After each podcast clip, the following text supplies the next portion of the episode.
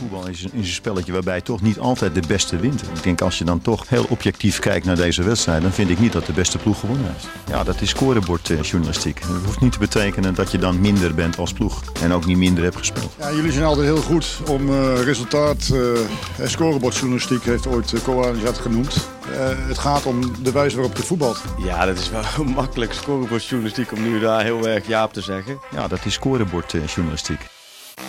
Welkom, het is weer tijd voor Scorebordjournalistiek. Mijn naam is Jarno Verwij. Tegenover mij, Stef de Bond, normaal gesproken de presentator van deze podcast. Maar vandaag vooral kenner en verslaggever van FC Utrecht. We gaan het vandaag uitgebreid hebben over FC Utrecht. Want ja, het is uh, nooit saai in de Domstad. Hè? Ja, nee, het is daar nooit uh, echt rustig. Het is er vaak onrustig. En ja, goede aanleiding nu in de transferperiode om daar eens even wat dieper op in te gaan. Zeker omdat in de winterstop het nodige moet gebeuren. En hetzelfde willen we eigenlijk volgende week even doen met FC Groningen, met collega Reon Boeringa. Op die manier een ja, moment om eens even wat zaken te bespreken. Ja. En in dit geval het ambitieuze FC Utrecht. Ja, want we gaan praten over de eerste seizoen zelf. Waarin ja, natuurlijk dit seizoen zijn hoge verwachtingen rondom Utrecht. Begonnen goed, daarna een mindere periode. Gaan we het straks uitgebreid over hebben. De toekomst van René Haken, de keeperswissel en Mo Iataren. Ja, die kan er ook nog even bij, hè? Mooie Taren. Ja, het is nu, moet ik goed zeggen, het is woensdagmiddag dat we dit opnemen. Op dit moment uh, is de deal nog niet rond, maar het heeft er alle schijn van dat FC Utrecht Mo Iatarin gaat huren. En nou, dan wordt toch ook al spreken van een kleine sensatie in de Eredivisie. Ja, laten we eens beginnen met de eerste seizoen zelf, Stef. De beste competitiestart ooit. Lange tijd vierde. En ineens is er een hashtag haken oud. Waar is het fout gegaan? Nou, dit is het grappige. Dit, dit is FC Utrecht. Uh, kijk, Haak natuurlijk vorig jaar binnengekomen. Uh, vorig seizoen moet ik zeggen. En die heeft nu één volledig jaar is die hoofdtrainer bij de club. En als je de statistiekjes erbij pakt, dan zeg je, god, die heeft een goed seizoen gedraaid met Utrecht. Die presteert ongeveer net zo goed als Feyenoord over kalenderjaar 2021. Wat je zegt, uh, even naar van de beste seizoenstart. Uh, het liep allemaal wel vrij goed. En daarna werd het wat minder. Maar als je nu het ranglijstje erbij pakt, de teletextpagina 819, dan zie ik dat Utrecht keurig zevende staat. Ja, en binnen de, ja, de range, zou ik maar zeggen, met, met nummer 4, 5 en 6, waar ze eigenlijk willen eindigen. Dus de buitenstaanders zal denken, dat is geen paniek. Dat is gewoon Utrecht staat waar het moet staan. Um, maar in de Domstad zelf borrelde het wel richting het uh, einde van het eerste seizoen zelf. De resultaten werden minder. Uh, absoluut dieptepunt, uh, bekernederlagen bij NAC Breda. Dat kon echt niet. Um, ja, en de goede seizoenstart vervaagde een beetje. En ja, daar komt de kritiek heel snel in Utrecht. En zeker ook bij een trainer als René Haken. Wat natuurlijk niet ja, het uithangbord is. Hè. Het, is een, het is een goede trainer hoor. Inhoudelijk echt een goede trainer. Maar het is ook niet een charismatische man die daar voor zijn troepen staat. Het is natuurlijk wat bescheiden, rustige Drent. Ja, en toen merkte ik wel dat het uh, wat onrustiger werd in Utrecht. En dat een grote groep inderdaad zoiets had van ja, we moeten afscheid nemen van deze trainer. Ja, want ze eisten een gesprek met de clubleiding, hè? de fans na uh, de wedstrijd tegen SC Twente. Ja, en ik was in het stadion en uh, er was al wat langer rumoer. Wat je zegt, hashtag haken oud, dat is dan populair. Hè? Dat, werd op social media werd dat een dingetje. En uh, tijdens de wedstrijd tegen SC Twente werd al gezegd dat de supporters voor het stadion stonden. En na afloop wilde een groep van een man of dertig een gesprek met algemeen directeur Thijs van S en technisch directeur Jordi Zuidam. Dat hebben ze gekregen. Dat was op de derde of vierde verdieping van stadion Galgenwaard kwamen ze naar boven. Wij werden in een ander hok gestopt en mocht om half één naar buiten. Het was verder een prima gesprek, wat ik van beide kanten begrepen heb. Het was een, respectvol gesprek. Er werd niet geschreeuwd. Er werd, alleen de supporters maken zich zorgen om ja, de, het wegzakken. De aanleiding van de eerste seizoenshelft. Bepaalde spelers die niet helemaal rendeerden, die niet alles leken te geven. Ja, en die positie van René Haken. En ja, toch wel zoiets van ja, als wij verder willen als club en als wij uh, aan het einde van het seizoen niet met lege handen willen staan, dan moet er een andere trainer voor de groep, was de emotie van de supporters. Nou ja, de fans hadden ook problemen met het spel, zoals jij aangeeft. Maar je geeft ook terecht aan. Haken is een goede trainer. Is iemand die ook een opbouwtrainer is. Dat heb je volgens mij eerder in een verhaal ook wel gezegd. Dat hij de tijd moet hebben. In hoeverre heb jij de ontwikkeling in het spel wel teruggezien in die periode? Ja, dit is heel moeilijk. Want het gekke is dat uh, er een periode is geweest, uh, vorig seizoen al, dat Utrecht best wel goed speelde, maar de resultaten niet pakte. Het begin dit seizoen hadden we de voorbereiding, zagen we echt leuk en goed voetbal. Ook veel oefenwedstrijden tegen Club Brugge en andere ploegen, waar Utrecht gewoon de betere ploeg was. Ook zo begon het seizoen. En op een gegeven moment gingen ze wedstrijden winnen tegen Pek Zwolle, tegen Willem II, met ruime cijfers. Maar was het voetbal helemaal niet zo goed meer. Het liep het gewoon niet zo lekker bij het elftal. Alleen de resultaten verbloemden dat een beetje. En juist nu in die allerlaatste periode van het seizoen, van eigenlijk van 2021, werd het voetballend wat beter. Kijk naar de statistieken. Het aantal uh, kansen werd gecreëerd, expected goals, maar ook het aantal doelpunten tegen minder. Alleen toen bleven de resultaten uit. Dus uh, het, het, balanceert ook een beetje. Het is niet altijd zo dat het spel gelijk staat aan de resultaten en andersom. Maar ja, na 34 wedstrijden gaat het toch om de resultaten. Um, ja, of Haken nu de beste trainer is. Ze hebben natuurlijk Erik ten Hag gehad, wat ja, een buitencategorie trainer was. Haken heeft wel raakvlakken met zijn goede vriend ten Hag. Maar om nu te zeggen dat hij te weinig uit deze groep haalt, dat ben ik het niet mee eens. En er wordt ook snel bijgehaald van spelers ontwikkelen zich niet. Nou ja, ik heb de statistieken van Adam Maher laatst nog eens bijgepakt. Die staat eigenlijk in alle lijstjes staat hij ongeveer bovenaan in de eredivisie. Bart Ramselaar presteert beter dan ooit als nummer 10. Uh, zo kunnen we het rijtje wel doorgaan. Er zijn ook genoeg spelers die zich wel ontwikkeld hebben. Alleen de Utrecht supporter wil altijd meer. En dat is ook weer het leuke aan FC Utrecht. Ja, en de Utrecht supporter hekelt ook de instelling van een aantal spelers, toch? Ja, nee, er worden wel een paar spelers naar voren gehaald. Maar dat is ook het bekende rijtje. Het zijn de bekende jongens die eigenlijk altijd de klappen op moeten vangen waar het aan gaat. Uh, Adam Maher is uh, de creatieve man, maar is ook degene met het meeste balverlies. Uh, ja, het ziet er soms wat stroperig uit. Ja, dat kan ik me voorstellen. Simon Gustafsson, ja, elke trainer stelt hem als eerste op. Elke trainer die ik bij Utrecht heb meegemaakt, zet hem als eerste op wedstrijdformulier. Omdat het zo'n ontzettende fijne, goede, betrouwbare voetballer is. Alleen ja, het oogt wat traag. Het is wat moeizaam allemaal. Uh, ik snap dat de Utrecht supporter daar niet voor naar het stadion komt. Dat kan nu dan ook niet. Maar ook niet voor de televisie gaan zitten. Utrecht heeft nog steeds een beetje het Stijn Vreven DNA. Het is uh, glijden over de boarding, mouwen opstropen en alles geven om te winnen. Uh, dan maar gewoon volle bak gaan met z'n allen. En ja, er zitten gewoon te veel, misschien wel mooie voetballers in deze selectie. En ik denk dat dat een beetje de, de, de pijn is tussen aan de ene kant uh, de clubleiding die een selectie heeft neergezet van ze denken van nou, hiermee kunnen wij misschien best wel AZ en Vitesse uitdagen. En aan de andere kant de Utrecht supporter die zegt van ja, uh, mouwen opstropen, kom op, uh, vechten, werken, energie erin. En dan zien we het resultaat wel. Ja, we gaan het straks nog hebben over een hele mooie voetballer. Maar laten we eens teruggaan naar de, de clubleiding. fans zijn ontevreden. Wat, wat doet de clubleiding met die input? Want ik neem aan ja, dat de clubleiding ook een bepaald beeld heeft van de trainer René Haken en de ontwikkeling ja, van het huidige elftal. Nee, zeker. En er is ook zeker over nagedacht. Uh, er is heel veel gesproken afgelopen december, eind december, eigenlijk na die laatste wedstrijd tegen Twente. Dat is met, met de directie, de RVC, de aandeelhouders, ook niet onbelangrijk bij Utrecht. Maar ook met de spelersraad um, en met Haken zelf. Er is veel gesproken. En iedereen onderstreept dat het nog beter kan en ook beter moet dan wat er in december is laten zien. Um, alleen, er is ook uiteindelijk wel besloten van we hebben deze koers ingezet, we gaan mee verder. Sterker nog, een paar weken eerder, toen het dus best wel goed ging met Utrecht, werd er links en rechts wel gefluisterd dat de intentie was om met René Haken door te gaan. Zijn contract loopt komende zomer af. En ja, Utrecht, wat jij zei, die stond op de vierde plek. Uh, er zat progressie in. Dus ja, van beide kanten was er wel zoiets van, wij willen wel verder. Nou, die gesprekken zijn inmiddels opgeschort. Uh, er wordt even niet gesproken over contractverlenging. Maar uit al die gesprekken in de winterstop is wel gebleken dat iedereen collectief, dus de directie, de RVC, de aandeelhouders en de spelersgroep achter Haken staan. En dat Haken het seizoen af mag maken. Daar hebben ze eerst een radiostilte gehouden. Heb ik uh, rond de kerstdagen heel veel moeten bellen. Tot ik uiteindelijk Frans van Seumer aan de telefoon kreeg, de groot aandeelhouder. En die gaf aan van ja, we hebben vertrouwen in René. René blijft aan. Uh, er moet wel een ander vaatje worden getapt. Maar René heeft contract tot het einde van het seizoen en dat respecteren wij.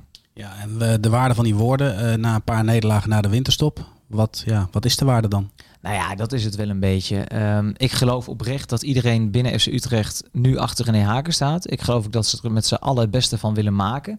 Tegelijkertijd met die emoties van de fans die er nog steeds zijn. En de emotie van Verzeumeren ook? En de emotie van Verzeumeren, wat misschien wel de grootste supporter van allemaal is. Uh, er moet wel uitzicht zijn op resultaten. En in het geval van Utrecht is dat Europees voetbal. Dus op het moment dat ze nog een paar wedstrijden verliezen inderdaad... ja, dan kun je best in een situatie komen dat onhoudbaar is. Uh, en dat je moet kiezen voor een, een alternatief. Destijds hebben ze dat ook gedaan met Dick Advocaat, die werd ingevlogen. Nou, dan krijg je een ander type trainer. Die heeft het uh, toen uitstekend gedaan. Ja, dat, dat sluit ik niet uit. Ze hebben nu een eerst Ajax. Dat is natuurlijk een, een wedstrijd, die mag je in Utrecht niet verliezen, maar die kan je natuurlijk wel verliezen. Uh, en vervolgens een reeks met wedstrijden waar gewoon mogelijkheden liggen. En ja, je, er moet wel progressie getoond worden. Is het niet in het spel, dan in ieder geval in de resultaten. En anders sluit ik niet uit dat wij half februari hier met elkaar staan en zeggen van... Ja, uh, René Haken heeft het toch niet gehaald tot het einde van het seizoen. En het is voor de clubleiding eigenlijk een hele fijne situatie nu. Haken loopt af komende zomer. Uh, ze kunnen rustig wachten en achteroverleunen en kijken wat er gebeurt. En intussen ja, toch eens gaan informeren bij andere trainers en bij zaakwaarnemers wie er op de markt zijn en wat past bij FC Utrecht. Uh, voor Haken, heel eerlijk, als je echt vertrouwen in de mat gehad, had je hem nu gewoon een uh, contract voor twee jaar moeten geven, dat je zijn contract moeten verlengen. Dus kennelijk zit daar toch ergens wel een kleine twijfel bij de leiding van FC Utrecht. Ja, Haken staat dus voor een cruciale periode. Er gaan veranderingen plaatsvinden. Niet alleen qua spelers, maar ook qua uh, spel. want hij traint op meerdere systemen, heb ik begrepen. Ja, dat klopt. De, het Utrecht had de laatste weken best wel een probleem. Het is eigenlijk een probleem wat bijvoorbeeld een club als Ajax ook heeft, maar Utrecht dan in kleinere zin. Um, als Utrecht op bezoek komt, zijn er heel veel kleinere ploegen in de Eredivisie die zich eh, terugtrekken, die de bus parkeren of hoe je het ook wil noemen. En Utrecht had heel veel moeite om daar doorheen te spelen. Het spel was een beetje te voorspelbaar geworden. Ook een paar spelers die niet thuis gaven tegen de kleintjes.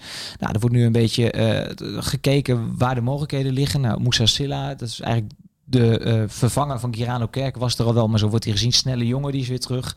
Ze hebben jongen uit Japan gehaald, die het op de training een erg goede indruk uh, achterlaat. Dus daarmee hebben ze op de vleugels al wat mogelijkheden. Dan wordt ook gekeken hoe ga je je middenveld uh, invullen. Ik kan me ook best wel voorstellen dat ze misschien een keer een andere uh, verdedigende middenvelder daar gaan positioneren. Ik moet zelf altijd denken aan Bart Ramselaar, die nu vaak op 10 staat. Misschien dat hij daar wel beter uit uh, de verf komt. En zo wordt er wel ja, geschoven. Haken had het zelf naar Twente thuis over misschien terug naar de tekentafel. Maar Utrecht moet gaan verrassen en moet ook in wedstrijden kunnen gaan verrassen. Als je dan een keer vastloopt, dan moet je met een ander plan komen. En, en daar zijn ze nu op aan het trainen. Alleen, ja, ze hadden twee oefenwedstrijden gepland staan. Die zijn door corona afgelast. Dus ja, het is wel de vraag of je dat even in uh, anderhalve trainingsweek met ook coronabesmetting, want in Utrecht hebben ze er ook last van, of je dat erin geslepen krijgt. Ja, je zegt dus niet per se dat ze een nieuw systeem gaan spelen, maar ze willen meerdere systemen onder de knie gaan krijgen. Ook de verschillen tegen een betere ploeg en een mindere ploeg. Ja, waarbij je moet uh, kijken we naar de resultaten tegen betere ploegen, komt Utrecht uitstekend uit de verf. Dat vinden ze lekker, ook als ze iets meer ruimte krijgen om te voetballen. En als tegenstanders iets compacter gaan spelen, dan hebben ze het moeilijk. Dus daar moeten ze inderdaad met een ander systeem kunnen spelen. Misschien mee starten, misschien tijdens de wedstrijd kunnen schakelen. Alleen ja, je hebt te maken met je spelersgroep, je hebt te maken met weinig dagen. Uh, ik ben heel benieuwd of dat er in die uh, korte termijn inge, ja, gekregen wordt eigenlijk. Ja. En de meest rigoureuze uh, verandering die hij door gaat voeren is de keepers wisselen. En dat is niet de eerste ja, van de afgelopen jaren kunnen we wel stellen. Zo zeg, ja, ik ben nog even in die statistieken gedoken. Maar dat is uh, voor mijn gevoel als David Jensen niet zo lang geleden uh, doelman van FC Utrecht. Maar praat over 2019, hè? Ja, ja het is, het is in, in ongeveer 2,5 jaar tijd zes keepers. Uh, eerste keepers, hè? niet een keer een blessuregevalletje, maar, maar wisselingen. Want uh, nou, David Jensen uh, was het niet. Maarten Paas mocht het toen proberen. Die destijds geblesseerd. Toen werd Jeroen Zoet opgehaald. Nou, toen was je paas weer fit, bleef Zoet staan. Nou, toen kregen we weer een nieuw seizoen. Was het weer de keuze, wat gaan we doen we met paas? Wordt die eerste keeper? Nou, hersenschudding. Uh, Nee, maar dat zeg ik nog verkeerd ook. Want eerst kregen we nog te maken met dat hij geslachtofferd werd. Dat Nijhuis op doel kwam te staan onder John van der Brom. Ja. Ik doe het even uit mijn hoofd, mensen. En vervolgens uh, kwam uh, Oerslegel nadat Paas geblesseerd raakte in de Johan Cruijff Arena. Begin dit seizoen was het de vraag van ja, wie wordt de eerste keeper? En we hoorden van de trainer zitten dicht bij elkaar. Drie keepers, dus Paas, Oelslegel en Fabian de Keizer. Waar ik denk de meeste luisteraars nog nooit van hebben gehoord. Die drie zouden het uitvechten. Paas kreeg het vertrouwen, logisch, talentvolle keeper. Goede leeftijd ook, beter dan, dan Oelslegel wat dat betreft. Ja. Maar die hebben we ook gewoon weer een paar keer in de fout zien gaan. Dat is echt een hele talentvolle keeper. Uh, echt eentje van je denkt van die heeft iets speciaals. Maar hij heeft net nog te vaak een paar blunders. Gewoon net iets veel momenten dat hij in zijn korte hoek of, of, of andere ballen het niet heeft. Ja, en de technisch staf heeft gewoon de statistieken erbij gepakt en gezegd van ja, dit kost ons te veel doelpunten. En we hebben eerder gezegd, die keepers zitten dicht bij elkaar. Dus we gaan een wisseling doorvoeren. En dat is uh, ja, vorige week aan de keepers bekendgemaakt. Ja, en is het dan in het geval van Paas vooral een mentaal dingetje dat meespeelt? Want je geeft aan haken, uh, geeft aan het begin van het seizoen aan dat de keepers heel dicht bij elkaar zitten. Speelt dat mee, denk je? Nou, ik vond mentaal juist wel heel knap. Want die jongen die heeft eigenlijk op vrij jonge leeftijd best wel veel tikken gehad. En die is eigenlijk keer op keer teruggekomen. En dat begon ook heel sterk aan dit seizoen. Uh, en, en heeft zich ook een paar keer herpakt wel na een slechte wedstrijd. Dus ik denk dat mentaal niet eens helemaal het probleem is. Uh, maar ja, dan heeft het misschien wel gewoon te maken dat het een keeper is die nog te veel fouten maakt. En dat, dat kan eruit hoor. Alleen ja, bij FC Utrecht, als je ambitieus bent, je ziet het bijvoorbeeld een FC Twente, daar wordt veel naar gekeken. Ja, daar staat Lars Oenerstal op doel. Ja, die pakt punten voor Twente. En Utrecht heeft gewoon behoefte aan een keeper die punten pakt. Dus toen ik begreep dat uh, Paas geen eerste doelman meer was, ging ik er eigenlijk vanuit dat uh, Oerslegel, de Duitser, weer op doel zou komen te staan. Maar tot mijn verbazing uh, kreeg ik toen te horen dat het Fabian de Keizer is die vanaf nu eerste keeper is van FC Utrecht. Ja, en die mag dan debuteren tegen Ajax. Ja, en ja, ik moet altijd denken aan, aan Nijhuis, waar we het net over hadden. Die kreeg toen het vertrouwen. Utrecht had drie talentvolle keepers. Paas, uh, Nijhuis en de Keizer. Uh, Nijhuis kreeg toen het vertrouwen. En die heeft toen een paar wedstrijden gekiept. Die maakte de een en de andere fout. En die keept nu op huurbasis bij MVV Maastricht. Zo snel kan het gaan. Je gooit iemand wel voor de leeuwen. In Utrecht hopen ze een klein beetje op een ander soortig scenario. Een beetje op een André Onana effect. Die toen bij Ajax uh, eerste keeper werd nadat Sillissen vertrok. Uh, en vervolgens de pannen van het dak kiepte en de rest van het verhaal is geschreven. Maar ja, mits corona, want ik heb geen idee wie de besmette spelers op dit moment in de selectie van Utrecht zijn. Maar mits corona uh, ja, niks in de weg staat, ja, staat Fabian de Keizer, een, een jonge keeper die ook bij Jong Oranje zit, onder de lat. En mag hij het de komende tijd gaan bewijzen.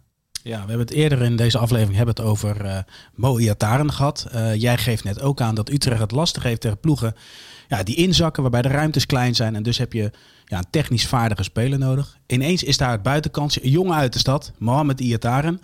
Ja, wat, wat verwacht jij daarvan als het rond gaat komen, Stef?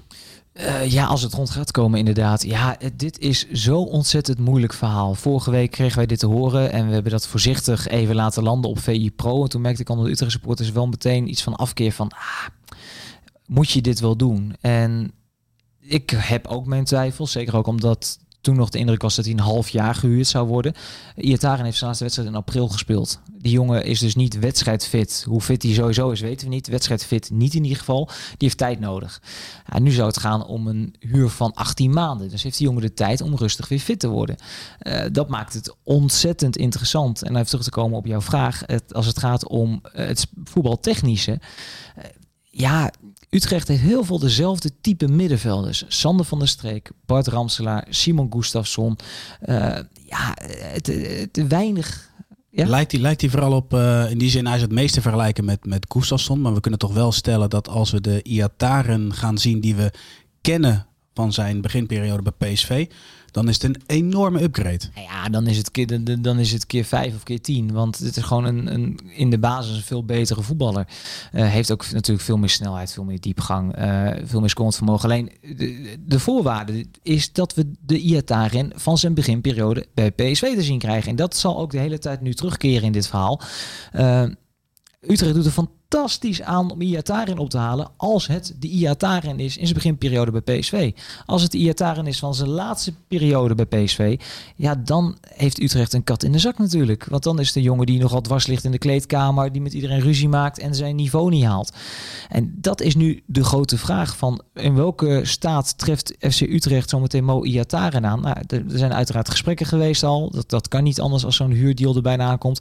Ja, um, Utrecht zal wel weten waar ze aan beginnen, neem ik aan.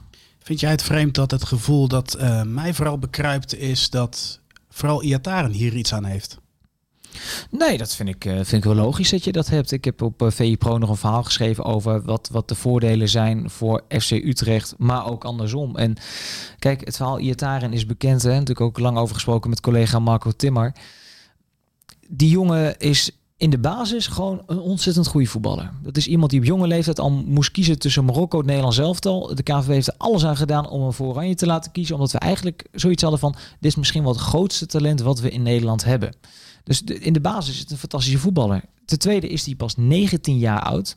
Dat is natuurlijk ook nog een leeftijd dat hij eigenlijk nog zijn hele carrière voor zich heeft. Het, voor je gevoel is hij al zes jaar onderweg. Maar hij begint eigenlijk pas net. Dus die voorwaarden zijn fantastisch. Voor FC Utrecht is dit buiten buiten categorie. Zo'n goede voetballer komt in principe niet naar Utrecht toe. Alleen, ja, dan ga je dus kijken naar uh, wat er gebeurd is. En dan zeg je inderdaad, ja, Iataren uh, bij PSV vervelend weggegaan beetje slecht imago, naar Italië gegaan. Iedereen had al zijn twijfels van moet je dat wel doen op die leeftijd. Juventus, uh, meteen weer doorverhuurd. Niet gespeeld daar. Vervolgens ja, weggebleven van de trainingen, van de wedstrijden en een beetje verdwenen. Ja, onvindbaar hè? ook voor onze collega Marco Timmer. Waar is Mo, herinner ik me inderdaad nog. Ja. Um, Uh, die jongen heeft natuurlijk heel veel meegemaakt in het verleden. Zijn vader overleden. Nou, heeft uh, heel veel over zich heen gekregen vanwege zijn gedrag. Maar heeft ook, ja, kom op die leeftijd maar eens in die situatie terecht met alle roem, alle aandacht, al het geld. veel mensen om zich heen altijd verzameld. Dan heeft collega Marco Timmer alles over verteld. en er waren best wel mensen die hem afgeschreven hadden. Die zeiden, Mo is misschien wel klaar. Mo gaan we nooit meer terugzien. En dan kom ik terug bij jouw punt. FC Utrecht is een uh, doodnormale club in zijn stadje. De club, uh, hij kent de stad, hij kent het stadion, hij kent de supporters. Uh, hij kan weer in de buurt van vrienden en familie gaan wonen. Eh, met Jordi Zuidam heb je een technisch directeur die zelf ook uit zijn wijk komt, of een omliggende wijk in ieder geval, die dus ook precies wel weet hoe zo'n jongen in elkaar zit, die alle verhalen kent, die precies weet wat er gebeurd is de laatste jaren. Um, hij zou dan voor 18 maanden tekenen. Betekent ook dat we niet elke week gaan vragen, is Mo er al, is Mo er al, waar is Mo? En als hij speelt, zeggen van, nou, dat is ook niet best. Dat betekent dat hij de kans krijgt, kijk wat hij dit seizoen nog kan betekenen voor Utrecht en dan volgend jaar volle bak. Ja, dan kan hij in mijn ogen zijn carrière gewoon een heel nieuw leven inblazen. En had hij dat weer gedaan in het buitenland, dan had hij weer zijn eentje gezeten en dan was het weer moeilijk geweest. Had hij dat gedaan bij misschien nog een grotere club, laat ik zeggen Feyenoord bijvoorbeeld, dan was de druk veel hoger geweest. Ja, dit is in alle opzichten, lijkt dit voor hem een ideale, misschien wel laatste kans. Ja, en wat hij toe kan voegen op het moment dat hij eh, zijn oude niveau had, dat is bekend, hebben we net ook besproken. Uh, waar ik wel nieuwsgierig naar ben, Stef, uh, is um, dit is een investering, lijkt het op korte termijn. Maar in hoeverre kan het ook een investering zijn op de lange termijn, waardoor FC Utrecht er in de toekomst ook nog wat geld aan gaat verdienen? Uh, nou ja, er zijn meerdere opties mogelijk. En dan zouden we de, de details uit het contract moeten leren kennen. Uh, ik denk allereerst dat het voor Utrecht wel heel interessant is. Deze club wil heel graag hogerop, is heel ambitieus. En waar zij een beetje tegenaan lopen is dat heel veel spelers een beetje tegen hun plafond aan zitten. Um, de laatste maanden zijn er heel veel gesprekken geweest waarbij de spelers die in het buitenland hebben gespeeld, de rest van de groep hebben toegesproken. Denk aan Emanuelson, uh, denk ook aan nou Maher bijvoorbeeld. Die hebben proberen uit te leggen van wat er nodig is in de top om wedstrijden te winnen. En dat is een stap die Utrecht moet maken. Nu is het nog een beetje vrijblijvend en als we zesde eindigen, dan is het prima. Uh, ze willen die jongens maken. En nu haal je jongen binnen die waarschijnlijk alles te winnen heeft en alles wil winnen. Die bij PSV heeft gespeeld, die Nederlands elftal, die misschien wel een keer de Champions League wil winnen. Dus die kan in die zin misschien bepaalde jongens meenemen. En als je dan gaat naar het financiële aspect voor FC Utrecht, de club uh, zou hem dan huren. Nou, ik, uh, ik ken Utrecht een beetje. Die, uh, Utrecht die imago altijd van veel geld. Hè? Van Seumer zit erachter. Dus uh, nieuwe aandeelhouders. Dus die zullen wel de portemonnee trekken. Nou, ze hebben daar een salarisplafond. En zoals bij elke club zal er wel eens een keer in tekengeld of wat anders wat gebeuren. Maar die gaan geen gekke dingen doen. Dat geloof ik niet. Um, dan zou je zeggen van dan heb je alleen sportief wat aan. Maar ja, de optie tot koop staat meestal in dit soort contracten. En als dat een beetje realistische optie zou kunnen zijn. Ja, uh, en Iataren tikt zijn oude niveau aan. Ja, dan heeft Utrecht natuurlijk werkelijk goud in handen. Maar ja, daarvoor geldt, dan moeten we de contracten inzien uh, met Juventus. Ja, die hebben we niet. Maar um, ja, Utrecht, als Utrecht nu had gezegd, wij gaan Iataren nu huren voor een half jaar. Zonder optie tot koop had ik gezegd, waar begin je aan? Dan heb je niet fitte speler, uh, alle aandacht wordt uh, gelegd op de club. En nu denk ik bij mezelf, ja, als je voor 18 maanden speler kan huren, misschien nog een optie tot koop erin. Ja, dan zou Utrecht daar wel eens heel veel wijzer van kunnen worden. Mits, en daar zijn we weer, Iataren zijn oude niveau weer haalt. Ja, want dan kom je gelijk op het volgende punt. Uh, Smit heeft eerder natuurlijk met Iataren ook goud in handen gehad. Laten we ervan uitgaan dat deze deal doorgaat. Haak heeft straks ook met Iataren opnieuw potentieel goud in handen. Maar de aanpak van Haken ten opzichte van Smit, in hoeverre gaat die uh, gelijkenissen vertonen, denk jij? Nou, uh, deels wel. Deels wel. Want uh, waar Smit natuurlijk bekend op staat, is om, om de arbeid die de spelers moeten leveren. Uh, vooral ook als de, ze de bal niet hebben. En Haken verwacht het eigenlijk ook van zijn spelers. Ook wel een trainer die daar heel erg prat op gaat. vorig jaar heeft Haken daar heel veel mee geworsteld. Eigenlijk met Girano Kerk. de meest dreigende speler van FC Utrecht. De, de meest scorende speler ook. Um, ja, dat was niet iemand die heel graag opdrachten uitvoerde. Was ook niet iemand die altijd precies begreep waar je op welk moment moest lopen. Dus je werd op een gegeven moment ook in de spits gezet. En dat was niet alleen om aan de bal dingen te doen, maar ook om hem wat te ontzien in het defensieve werk. Dus ik ben wel benieuwd of, uh, stel dat hij, en dan gaan we heel ver naar voren praten nu hoor, dan hebben we echt een glazen bol, maar stel dat Iataren op een gegeven moment fit is, uh, in hoeverre uh, Haken ook voor hem een uitzonderingspositie zou kunnen maken in sommige verdedigende taken. Omdat je weet dat Iataren aan de bal zo ontzettend veel meer kan brengen. Maar ik, ja, ik denk dat Haken gewoon hele goede gesprekken aan zal moeten gaan met Iataren. Om, ja, het kan ook natuurlijk geen uh, vrijbrief worden van ik ben Iataren, ik ben eigenlijk niveau PSV, ik kom bij FC Utrecht terecht. Dus ik mag hier gewoon lekker uh, lopen alsof ik op het schoolplein ben. Nee, het is natuurlijk wel gewoon uh, FC Utrecht de wedstrijden moet winnen. En tegenstanders zijn, hebben het snel genoeg door als een speler niet omschakelt. Dus dat, dat worden wel interessante gesprekken, denk ik. Ja, het worden sowieso interessante dagen, weken in aanloop naar de transfer eh, deadline. Nou ja, jij houdt ons eh, uiteraard op de hoogte op VIPro en VI.nl over de laatste ontwikkelingen bij FC Utrecht. En een van die ontwikkelingen die ook nu uh, speelt is ja, de ontwikkeling rondom het stadion. Wat kun je daarover vertellen, Stef? Ah, dat is uh, een veel minder sexy onderwerp, dat snap ik direct. Maar het is eigenlijk voor de toekomst van Utrecht misschien nog wel interessanter dan het al dan niet huren van Mo Iataren. Um, de club heeft een meerjarenplan neergelegd en dat, daar zijn ze nu mee bezig. Zitten in het uh, tweede jaar daarvan. En de club wil groeien. En dat doet het in de selectie, in de jeugdopleiding, een nieuw trainingscomplex, nou van alles. Maar een belangrijke pijler daaronder is de aankoop van het stadion. Utrecht huurt nu het stadion en betaalt flinke huursom. het hele gebied gebied daar. Dus een soort van gebiedsontwikkeling. Er worden allemaal nieuwe huizen gebouwd, allemaal andere zaken. En Utrecht is al een tijdje in gesprek om het stadion zelf aan te kopen. Nu hebben ze dat geld zelf niet zomaar in kas liggen. Maar dan komen de aandeelhouders er om de hoek kijken met Frans van Seumeren en uh, zijn kornuiten in deze.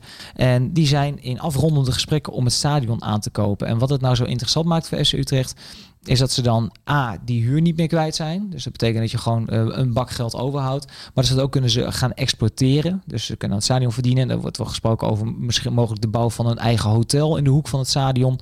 Ja, en al dit soort zaken moet uiteindelijk terug te zien zijn in de spelersbegroting. Want Utrecht uh, gaat meer verdienen, heeft minder uitgaven. Ja, en dat moet teruggaan naar ja, de spelers uiteindelijk. Waardoor Utrecht een betere sectie krijgt. En daadwerkelijk kan gaan concurreren met, laten we zeggen, AZ en Vitesse. Dus uh, nou, de verwachting is, we hadden eind december hadden we een gesprek ten aanzien van de jaarcijfers van Utrecht. Toen zei algemeen directeur Thijs van Est dat hij hoopte binnenkort met nieuwsbundels te komen. En had een grote glimlach op zijn gezicht. Dus ik heb heel sterk de indruk dat binnenkort er wel eens een klap opgegeven kan worden. En ja, en dan is Utrecht uh, daadwerkelijk baas in eigen huis. En dat gaat financieel ontzettend veel voordelen opleveren. Ja, en dat zegt ook wel iets over de ambities. Uh, want daar wil ik tot slot nog iets over vragen. Blijft de doelstelling hetzelfde, Stef? En dat houdt in, uh, FC Utrecht gaat de top van Nederland aanvallen. Nou, ik begin te lachen. Dat was de doelstelling van vorig jaar. Um, dit jaar hebben ze de doelstelling iets anders geformuleerd. Ze willen het beter doen dan afgelopen seizoen. Nou, dat is, uh, dat is vrij makkelijk. Um, ik denk dat de doelstelling stiekem is Europees voetbal halen. In Utrecht hebben ze ook gezien wat Vitesse dit jaar doet. En hoe mooi het is om zo'n Europese campagne mee te maken. En ook wat het financieel allemaal oplevert. Um, ja, plek 4, als alle resultaten in de beker een beetje meevallen, kan al genoeg zijn voor de voorronde uh, Conference League. En anders moet je via de play-offs gaan doen. En dat moet de doelstelling voor FC Utrecht zijn. Er is het, eigenlijk is het vrij makkelijk. Er zit vrij weinig onder. Je hebt de top 3. Dan komt AZ, dan heb je Vitesse, dan heb je een clubje met, met Twente, met Utrecht, dan normaal met FC Groningen erbij. Misschien een keer Herenveen of Heracles. Uh, heel ver zakken kan uh, FC Utrecht niet. Heel veel stijgen op korte termijn kan ook niet. Uh, alleen ze moeten zorgen dat ze een keer aan de ja, aan de goede kant van de streep zit aan het einde van de rit. Dus dat zij de club zijn die Europa ingaat, dat levert ook weer wat meer op. Dan kun je ook weer wat betere spelers halen. Ga je je budget omhoog. Nou, het is de sneeuwbal die rolt. Dus de ambitie moet volgens mij zijn Europees voetbal volgend seizoen. Dankjewel voor deze uitgebreide update. Het nieuws rondom SC Utrecht is en blijft te volgen op VPRO en V.nl. Volgende week, zoals gezegd, een mooie podcast met Reon Boerga over FC Groningen. Mochten jullie daar nu al vragen over hebben, stuur die vooral in naar podcast.vi.nl. Voor nu bedankt voor het luisteren en tot de volgende podcast. Voetbal is een, is een, spelletje waarbij toch niet altijd de beste wint. Ik denk als je dan toch heel objectief kijkt naar deze wedstrijd, dan vind ik niet dat de beste ploeg gewonnen heeft. Ja, dat is scorebordjournalistiek. Dat hoeft niet te betekenen dat je dan minder bent als ploeg en ook niet minder hebt gespeeld. Ja, jullie zijn altijd heel goed om uh, resultaat. Uh, scorebordjournalistiek heeft ooit uh, Koanjat genoemd. Uh, het gaat om de wijze waarop je voetbalt. Ja, dat is wel makkelijk scorebordjournalistiek om nu daar heel erg ja op te zeggen. Ja, dat is scorebordjournalistiek.